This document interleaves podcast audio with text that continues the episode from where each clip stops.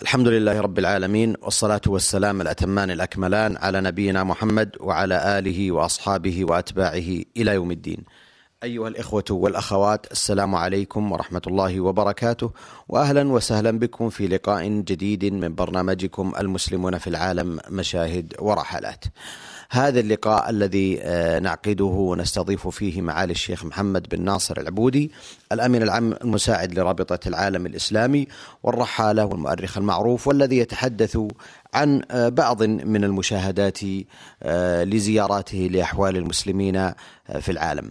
معالي الشيخ محمد في الحلقة الماضية توقف الحديث عن بعض المشاهدات في زيارتكم لجنوب روسيا وسردتم العديد من الوقائع والمشاهدات خلال زيارتكم تلك سواء عن الأجواء والطقس هناك ثم بعض المشاهدات التي وقفتم عليها إبان تلك الزيارة. آمل أن تتفضلوا بمزيد من تلك المشاهدات التي وقفتم عليها آنذاك.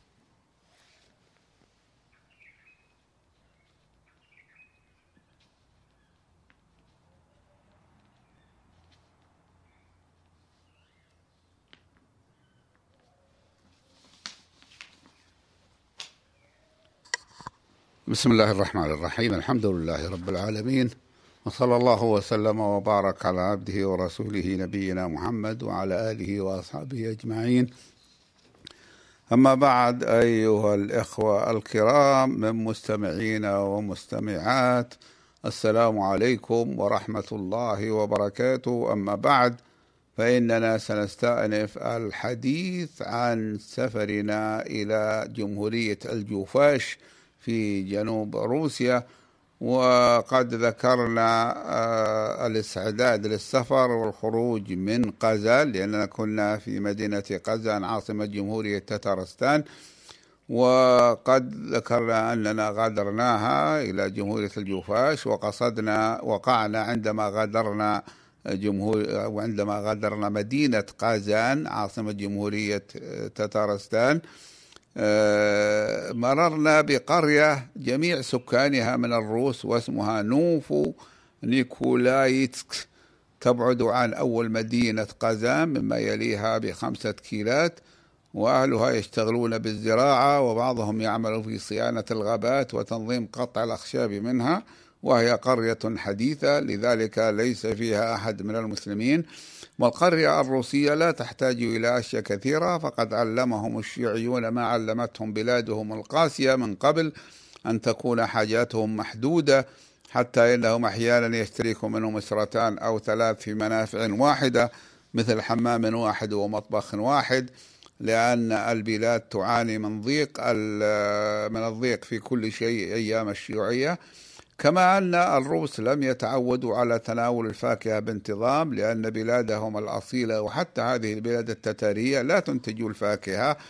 وقد ذكر مؤرخون العرب بلاد البلغار الذين هم تتار هذه البلاد آه، بأن بلادهم لا تنتج شيئا من الفاكهة. وقد رأيت أنا سوقهم سوق الفاكهة ليس فيه أي شيء بالصيف إلا ما كان مستوردا. والآن روسيا بطبيعة الحال تستورد الفاكهة أما من الجنوب أو من آه، بلاد البلاد المنتجة للفاكهة بكثرة مثل بلاد بعض الجمهوريات المسلمة المستقلة. وإذا احتاجوا إلى شيء حتى إذا احتاجوا إلى شيء من الخضرات استوردوه من الخارج. وأذكر من ذلك أن السلطة كانت تأتي بالطائرة إلى هذه البلاد في وقت الشتاء وخاصة في شمال سيبيريا تأتي من طشقند التي كان يسميها آباؤنا الشاش أو من البلدان الآذرية التي هي بلاد أذربيجان. وعلى ذكر هذه القرية الروسية سألت الأخوة المرافقين عما إذا كان الروس الذين يسكنون في هذه البلاد المسلمة تتارستان هل بدأوا ينزحون عنها بعد يعني بعد أن آه، ذهبت الشيوعية وصار الناس يتصرفون يجوز لهم ينتقلوا؟ لأن الناس في زمن الشيوعية لا يجوز لهم ينتقل الإنسان من بلده إلى بلد آخر. لماذا؟ لأن الذي يؤجر البيوت هي هي الحكومة. فالحكومة لا تسمح للإنسان تؤجر أي شخص يريد أن يدفع النقود. بل لا بد أن تعرف ما هي النقود ثم أن الناس ليس عندهم نقود يدفعونها للحكومة لقاء شراء البيوت أو لقاء استئجار البيوت. فسألتهم ألا تشعرون بأن الروس يخشون من اضطرابات قد تكون في هذه البلاد؟ فأجابوا أبدا لأنهم لا يغادرونها وقد عاشوا مع المسلمين التتار قرونا طويلة ولم يروا منهم أذى للجار ولو لم يكن مسلما. ثم ان الروس أنفسهم أيضا آه، لا يأتي للمسلمين منهم ضرر على المستوى الشخصي أو على مستوى الجماعة آه، ابدا. والروس الآن ومن لف لفهم من الأوكرانيين والروس البيض والأرمن يؤلفون 50% من السكان في هذه المنطقة أي منطقة جمهورية تترستان. وبلاد تترستان يعني تحيط بها من كل الجهات مناطق روسية خالصة ويعتبرها الروس من بلادهم الخالصة. وإن كانت بلدان المسلمين في السابق أو ببلاد يؤلف المسلمون نصف السكان بها مثل بلاد البشقرد الذين يسمون الآن الباشكير. ثم دخلنا نحن سنواصل الحديث عن سفرنا إلى جمهورية الجوفاش نقول دخلنا والسيارة تسير إلى الريف التتاري نسبة إلى جمهورية تترستان وهكذا ينبغي أن ننسب الأشياء إلى تتارستان. فنقول تتاري ولا نقول تتارستاني لأن اسمها مؤلف من كلمة تتار وهم الجنس من الناس المعروفين بهذا الاسم المعروفون بهذا الاسم. وأستان التي تعني بلاد مثل ما تعني كلمة أفغانستان بلاد الأفغان. فننسب إليها أفغانيا ولا نقول أفغانستانيا إلا على غير الوجه الصحيح. والطريق في هذا الريف التتاري مزدوج للذاهب والآيب تفصل بين جزئيه جزيرة من الأعشاب الوحشية وهو بطبيعة الحال طريق مسافلت. تفصل بين جزئيه الجزء الذاهب والجزء الآيب إلى قازان جزيرة من الأعشاب الوحشية الخضراء. والمراد بالوحشية ما نبتت عفوا ولم تستزرع. ورغم خصوبة هذا الريف الذي يتلقى ثلوج الشتاء وأمطار الصيف وكلها ندية وكلها تخصب الأرض فإن الأراضي الواقعة على الطريق كثير منها متروك دون زراعة وذلك من أجل إخصابها من الشمس والهواء لأنهم يزرعون الأرض سنة بعد أخرى وسبب ذلك واضح وهو سعة الأراضين عندهم. وقلة السكان بالنسبة إلى سعة الأراضي في روسيا آه، كلها أو في أكثر أنحاء روسيا. ولكن الشيء الغريب التافه الذي لاحظته هو كثرة الغربان في هذه البلاد والغربان جمع غراب وهي الطيور التي رأيتها كثيرة كثرة مفرطة في بلاد الهند وقد رجعت كثرتها في بلاد الهند إلى أن أكثرية سكانها من الهنادك أي الذين يدينون بالديانة الهندوكية لا يبيحون قتل الأحياء حتى الضار منها مثل الحية والعقرب يقول أحد الإخوة المسافرين إنه مرة رأى في الهند حية فأسرع يريد قتلها فأسرعوا يمسكون به وقالوا لا لا تقتلها. فقال لقد سمعت أنها لدغت أناسا وأنهم ماتوا قالوا لا ولا يجوز أن تقتلها. فهم لا يقتلون شيئا حيا في حسب الديانة الهندوكية ولذلك لا يذبحون الحيوان ولا الطير ولا بعضهم لا يأكلون لحومها أو لأن دينهم يحرم لحوم الحيوان آه، في الهند. وهذا شيء له نتيجة جيدة وأن المسلم إذا وصل إلى بلاد الهند فإنه لا يحتاج إلى أن يسأل عن اللحم أذبحه مسلمون أم غير مسلمين؟ لأنه لا يذبح إلا المسلمون كما هو معروف ولذلك يكون حلالا لهم. ومن أجل, أجل ذلك كثرت بعض أنواع الطيور آه، في الهند آه، مثل الغربان وبعض الحيوان كالقرود التي يعبدون قردا منها اسمه هنومان ويعتبرونه من كبار آلهتهم. هذا في الهند ولكننا لا ينبغي لنا أن يمنعنا أو أن يصدنا الحديث عن الهند عن مواصلة الحديث عن مشاهداتنا في الطريق من جمهورية تترستان إلى جمهورية الجوفاش في جنوب روسيا. غير أنني وجدت أن بلاد روسيا وما جاورها تكثر فيها الغربان هذه الأيام وكنت رأيت في أحد مطارات موسكو أسرابا من الغربان تبلغ الآلاف تسرح فيه وتمرح ويخشى الراكب أن تسبب حوادث للطائرات ولا شك أن أكثرها من الغربان المهاجرة إلى نصف الأرض الشمالي في فصل الصيف. فإذا جاء فصل الشتاء وأصبح لا يوجد لها غذاء عادت إلى جنوب الأرض أو إلى جنوب المناطق التي هي فيها لأنها تجد فيها شيئا من الحشرات وشيئا من الغذاء. مررنا بيوت ببيوت متفرقة لا أسوار لها. وتبدو كأنما هي مؤلفة من غرفة واحدة أغلبها من طابق واحد وبعضها من طابقين وهي في الريف الخالص. وكلها ذات سقوف مسنفة مسنمة أي على هيئة سنام البعير. وهذا أمر مهم جدا ولأن حتى تنزلق عنها آه، ثلوج الشتاء الكثيفة.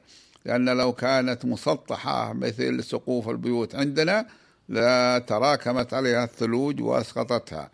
وهي متباعدة تلك البيوت ليست متلاصقة فأخبرونا أنها آه، منتجع للأغنياء ويريدون بذلك القادرين على الحصول عليها. لا الأغنياء الأثرياء فإنهم فيهم قليل. وكانوا قبل ذلك عندما كان المذهب الشيوعي هو السائد معدمين. أي ليس آه، عندهم شيء من النقود. يكون البيت الواحد في الريف وسط أرض صغيرة تكون في بعض الأحيان نحو مساحته نحو ألفي متر أو أقل من ذلك يتملكها الرجل ويبني فيها هذه الغرفة أو البيت الذي يبدو من الخارج على هيئة غرفة واحدة ويقيم فيه في فصل الصيف. لأنه إذا قام فيه في فصل الشتاء فإنه يموت من البرد إلا إذا كان البيت مدفئا تدفئة مستدامة. وهذه أبياء وهذه آه، بيوت انتجاع في الصيف وفي الصيف يأتون إليها ويزرعون في أرضها الصغيرة يزرع الرجل أو الساكن أو الأسرة وأسرهم قليلة العدد في هذه الأرض الصغيرة شيء من البطاطس فيكفيهم للشتاء كله.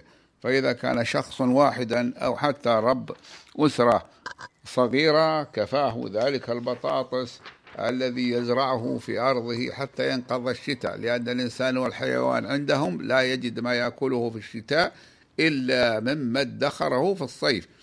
حتى الحيوانات لا تجد العلف إلا إذا كان مدخرا لها من الصيف. وصل الطريق إلى قرية آه، قرية تسمى زالسناية وهي متوسطة السعة ذات بيوت من طابقين مبنية بالآجر الأبيض وتقع على شاطئ بحيرة صغيرة وليست على نهر. لم نقف عند هذه القرية قرية زالسناية وإنما واصلنا السير وسائقنا الشيخ مارس طلعت يضغط على دافع الوقود في السيارة فتندفع مع هذا الطريق الخشن فتحدث عجلاتها صوتا أجش. لا يخلو في أحد الأحيان من قرقعة تحدثها السيارة بنفسها عندما تمر فوق نقرة أو حفرة صغيرة من حفر الطريق. ووصلنا مفترق طرق عليه جماعات من الشرطة بملابسهم الرسمية يوقفون السيارات ويسألون أهلها ولكنهم لم يوقفونا فضلا عن أن يسألونا وحسن الطريق لفترة وسألتهم عن الأشجار التي تقع عليه وهي أشجار خضر مورقة وهي تقع عليه وعلى ما وراءه ولا يكاد يخلو الطريق من شجر يحف به. سألتهم عما إذا كانت هذه من الأشجار المثمرة فأجابوا بأنها ليس فيها شجر مثمر أصلا. وقال بعضهم إن هناك أشجارا قليلة من أشجار الكرز الذي يعرفها الناس عندنا بالكريز وتسمى في المغرب حب ثمره يسمى حب الملوك وهو موجود الآن في أكثر البقالات ولله الحمد بسبب الخير الكثير التي آه الذي أفاءه الله على بلادنا. وقد رأيت الكرز وكثيرا من أشجار الفاكهة في بلاد القوقاز وهي جبال قبق عند أسلافنا العرب وبردها أقل قسوة من برد هذه البلاد. رأيت أن بعض فاكهاتها كالكرز لا يتطيب. وعلل أهلها ذلك بكونها لا تأخذ كفايتها من أشعة الشمس ولا من الجو الدافئ. ولذلك تكون حامضة في القسم في الفم غير جيدة مثل فاكهة البلدان المعتدلة كالشام والمغرب مع أن التفاح والخوخ والكمثرى يوجد فيها أي بلاد القوقاز ولا يوجد في هذه البلاد التتارية وما حولها من بلاد روسيا. لأنها كما قلنا لا يوجد فيها شيء من الفاكهة. رأيت من الطريق قطيعا من البقر الحسن المنظر يرعى من أعشاب كثيفة. فقلت لهم إنه ينبغي أن يكثر البقر في بلادكم فوق ما هو عليه الآن لأنها تنبت مقادير من الأعشاب ضخمة. فقالوا إن علفها أي في الشتاء يحتاج إلى كلفة لجمعه في الربيع الذي هو الصيف عندنا. ويتعب في خزنه. فقلت لهم ما قاله الأقدمون إنه لا يوجد شيء إلا بشيء. هذا ونحن ذاهبون الآن إلى جهة الغرب من قازان حيث موقع مدينة شيبو كساري عاصمة جمهورية الجوفاش. وإن الطريق الإسفلتي يميل يمنة ويسرة يتتبع القرى لينفعها. أي أنه لا يكون قاصدا لأنه إذا كان قاصدا فيحتاج إلى طرق فرعية. وهم يريدونه طريقا واحدا. تبعد مدينة شيبو كساري عن مدينة قزان عاصمة تتارستان بمئة وخمسين كيلو مترا مررنا بقرية اسمها عائشة. ذكروا أنها على اسم امرأة تسمى عائشة ولكنهم لا يعرفون من أمرها كثير معرفة. ومع أن القرية هي قرية للمسلمين كما يوحي به اسمها فإنه لا يوجد فيها مسجد. وتقع على بحيرة صغيرة بيوتها ذات سقوف مسلمة من الصفيح ونقصد بيوتها بيوت القرية ذات ذات سقوف مسلمة من الصفيع وحيطانها من الآجر الرمادي والآجر هو الفخار. ولم نقف عند قرية عائشة وكيف نقف؟ وهي لم تؤسس مسجدا يصلي فيه المصلون من أهلها وقليل ما هم مع الأسف. ثم وصلنا إلى مدينة مدينة تسمى زيلوني دولسك وهذه مدينة واسعة تشغل رقعة واسعة من الأرض وتقع في مرتفع يطل على واد خصب يجري فيه نهر إيتل الذي يسمى الآن الفولجا وهو نهر عظيم بل سميته شيخ الأنهار في شمال الأرض كما سميت نهر الأمازون شيخ الأنهار في جنوب الأرض. وتبعد هذه القرية عن مدينة قزان بأربعين كيلو مترا دخلنا تبعد هذه المدينة عن مدينة قزان بأربعين كيلو مترا دخلنا المدينة التي بدت منثورة المنازل تفصل بين أحيائها مساحات من الخضرة وترفرف فوقها الأشجار السامقة الريانة الفروع. قصدنا المسجد الوحيد في المدينة.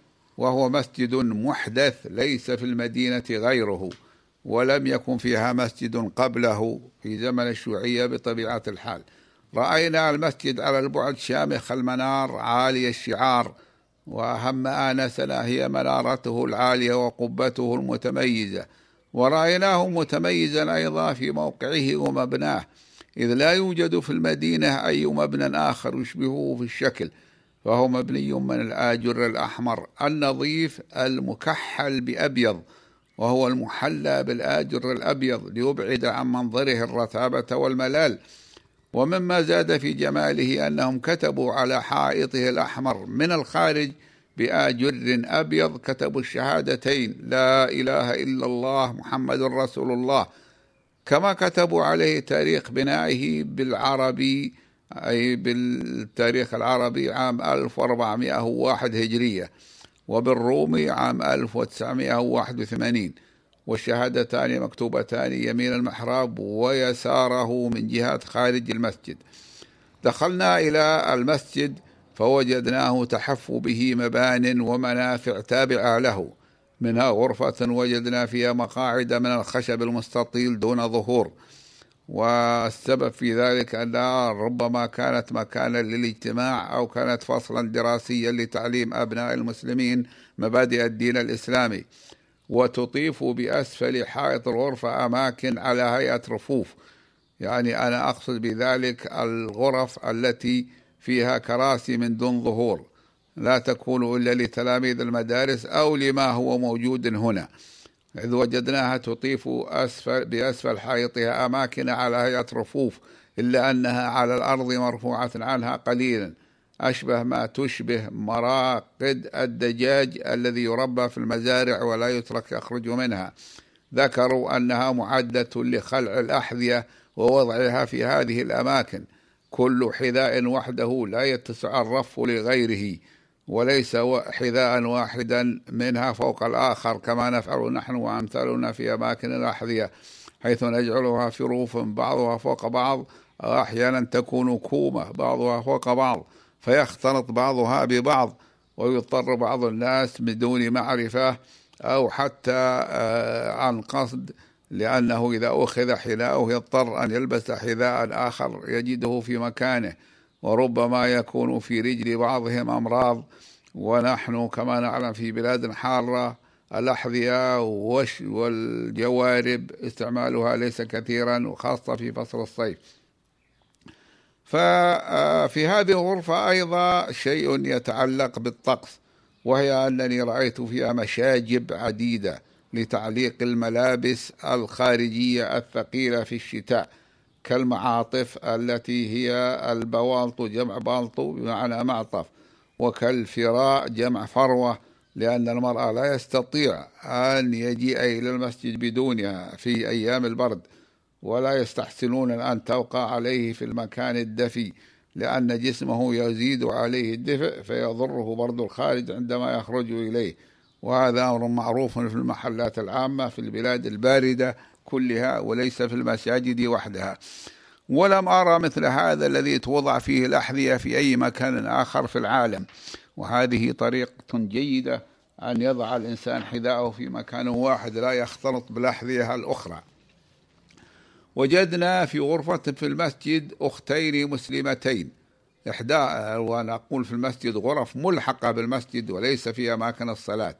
وجدنا في غرفة في المسجد أختين مسلمتين. إحداهما اسمها رفيدة وهذا اسم طبعا أصله عربي والأخرى اسمها أمينة. هذا عربي واضح ولكن أمينة ذكرت أن اسمها الآن أمينة آبا وذلك يعني الأم أمينة ولحقها هذا اللقب بعد أن أصبحت جدة. هكذا قالت لأن كل واحدة من المرأتين كانت مسنة. طلبنا منهما أن ينادي الإمام. لأننا لسنا في وقت صلاة.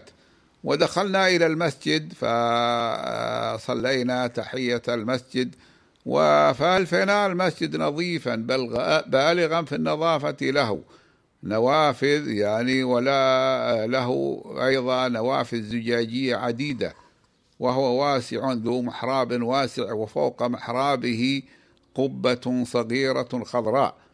وفيه كراس يصلي عليها المسنون الذين لا يستطيعون أن يثنوا أرجلهم بسبب المرض. وهو أمر شائع في هذه البلاد الشمالية الباردة لا يخلو من هذه الكراسي مسجد من مساجدها. وذلك لكونهم في الأصل من الذين يكثرون من أكل اللحوم ويقلون من أكل الخضرات والفواكه لعدم وجودها عندهم. وهذا أمر معروف في القديم عنهم. حتى إن ابن بطوطة ذكر ذكر في معرض كلامه على أبناء عمومتهم من القفجاق الذين كانوا يسكنون فيما يسمى بدشت قفجاق بمعنى برية قفجاق. ترجمها بعضهم بصحراء القفجاق وذلك غير صحيح لأنها تكون في الصيف خضراء معشبة وهي واقعة الآن في شمال جمهورية قزاقستان وغربها. ذكر ابن بطوطة أنهم لا يكاد أحد منهم يسلم من داء النقرس بل أن داء النقرس قد يوجد حتى في غير الشيوخ عندها. وذلك ظاهر من كثرة أكل اللحوم وعدم أكل الخضرات والفواكه. وينبغي أن نشير إلى أن القفجاق المذكورين في النصوص القديمة انقرضوا ولا تعرف لهم بقية. ويقال إن المماليك الذين جلبوا إلى مصر وحكموا فيها كانوا موج... كانوا أو كان معظمهم من الجفشاق هؤلاء. سكن القازاق في مساكنهم في تلك البرية فأصبحت آه، بلادهم تعرف الآن بدشت قازاق أي ببرية قازاق ترجم بعض المترجمين دشت بأنها صحراء وهذا غير صحيح لأنها ليست صحراء وإنما هي ليست مسكونة معمورة ولكن فيها أعشاب كثيرة تتربى عليها الماشية وخاصة الخيل. المسجد مفروش بفرش متوسطة فقد فرشوا الصف الأول بسجاد جيد والباقي ببساط موحد موكيت. حضر إلينا إمام المسجد واسمه الشيخ عبد الحميد ابن زينة الله عبد الرؤوف. ونلاحظ غرابة اسم زينة الله مع أنه عربي فصيح. وليس المقصود بزينة الله آه، الزينة الخاصة بالباري عز وجل ولكن المقصود الذي زينه الله أو الزينة التي أودعها الله له.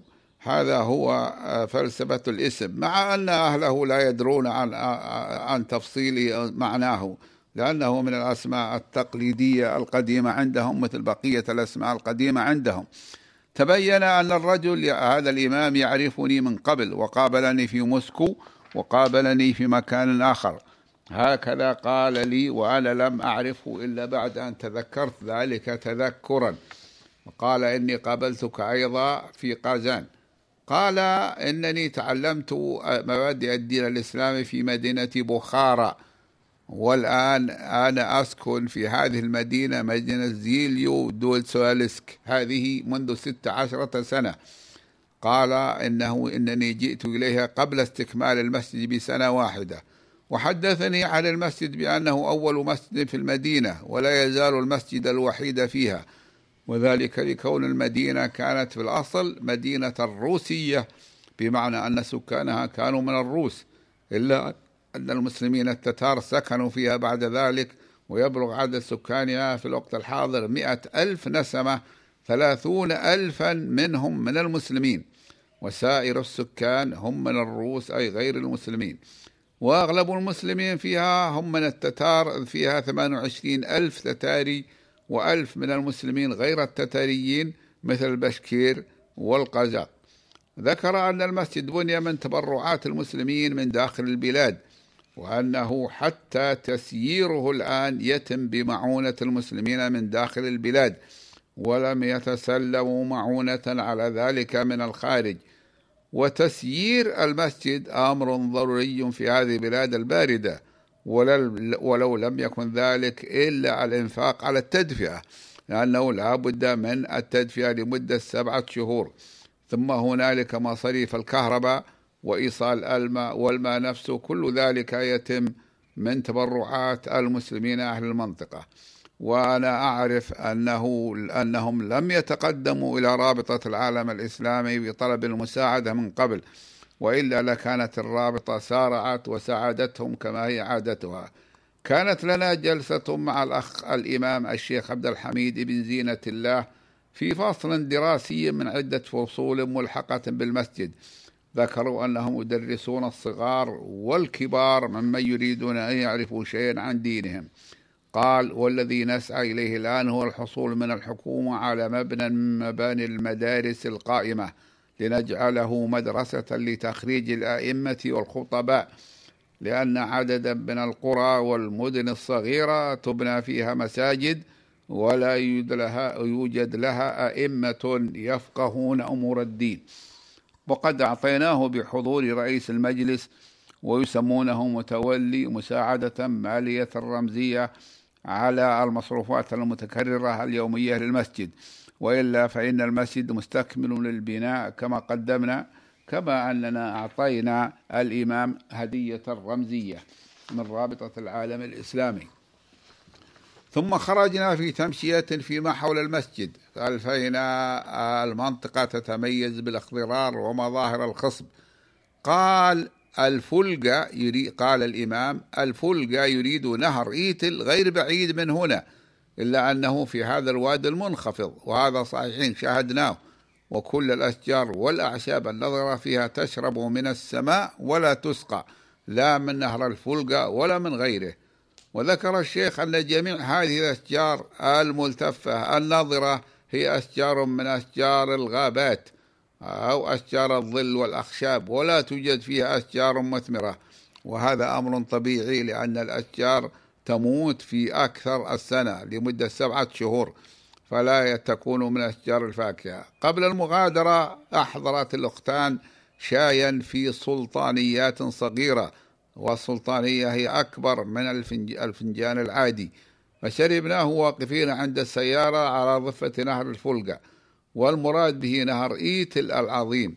اسمه عند أسلافنا العرب إيتل بالتاء وهو تحريف أو قل تبديل لاسمه عند أهله من سكان البلاد الأصلاء إذ يسمونه إيدل بالدال ونحن نسميه أسلافنا يسمونه إيتل بالتاء وهم لا يزالون يسمونه إيدل بالدال. إلا عندما يتعلق الأمر بالحديث مع الأجانب فإنه يقولون الفولغا. لأن الفلقة هذه تسمية روسية. أظن أنني سبق أن شرحتها في غير هذه الحلقة. مع أن اسم الفلقة معروف ومشهور بأنه روسي فإن أهل البلاد يقولون أن أصله منسوب إلى البلغار. ذلك الشعب العظيم الذي أسلم ملكه في أول القرن الرابع الهجري عن اقتناع وبدون حرب أو إكراه. وأرسل إلى الخليفة المقتدر بالله في بغداد يطلب منه أن يرسل إليه من يعلمهم أمور دينهم ويرسل أيضا من يحسن أن يريه كيف يبني قصرا من الحجارة يتحصن به من عدائه لأنهم كانوا يبنوا بيوتهم من الأخشاب. فإذا غزاهم أحد أو أراد الكيد بهم أحرق هذه البيوت وإحراقها سهل. فيريدون أن يبنوا قصرا من الحجارة ولكن لا يوجد في بلادهم من يحسن ذلك. وقد أسرع الخليفة المقتدر بالله إلى إجابتهم وغادرت أرسل إليهم بعثة. كان من حسن حظ أن فيها الكاتب ابن فضلان فسجلها بما يعرف برسالة مفضلة الآن وهي مطبوعة ولكنها ناقصة. وأعتقد أنني تكلمت على رسالة ابن فضلان في حلقة سابقة. تقع عاصمتهم مدينة بلغار أي عاصمة البلغار في جمهورية تتارستان على بعد حوالي 250 كيلومتر من مدينة قزان وقد زرت عاصمتهم القديمة بلغار وذكرت مشاهداتي فيها كما أوردت بعض النصوص المتعلقة بها في كتاب خاص.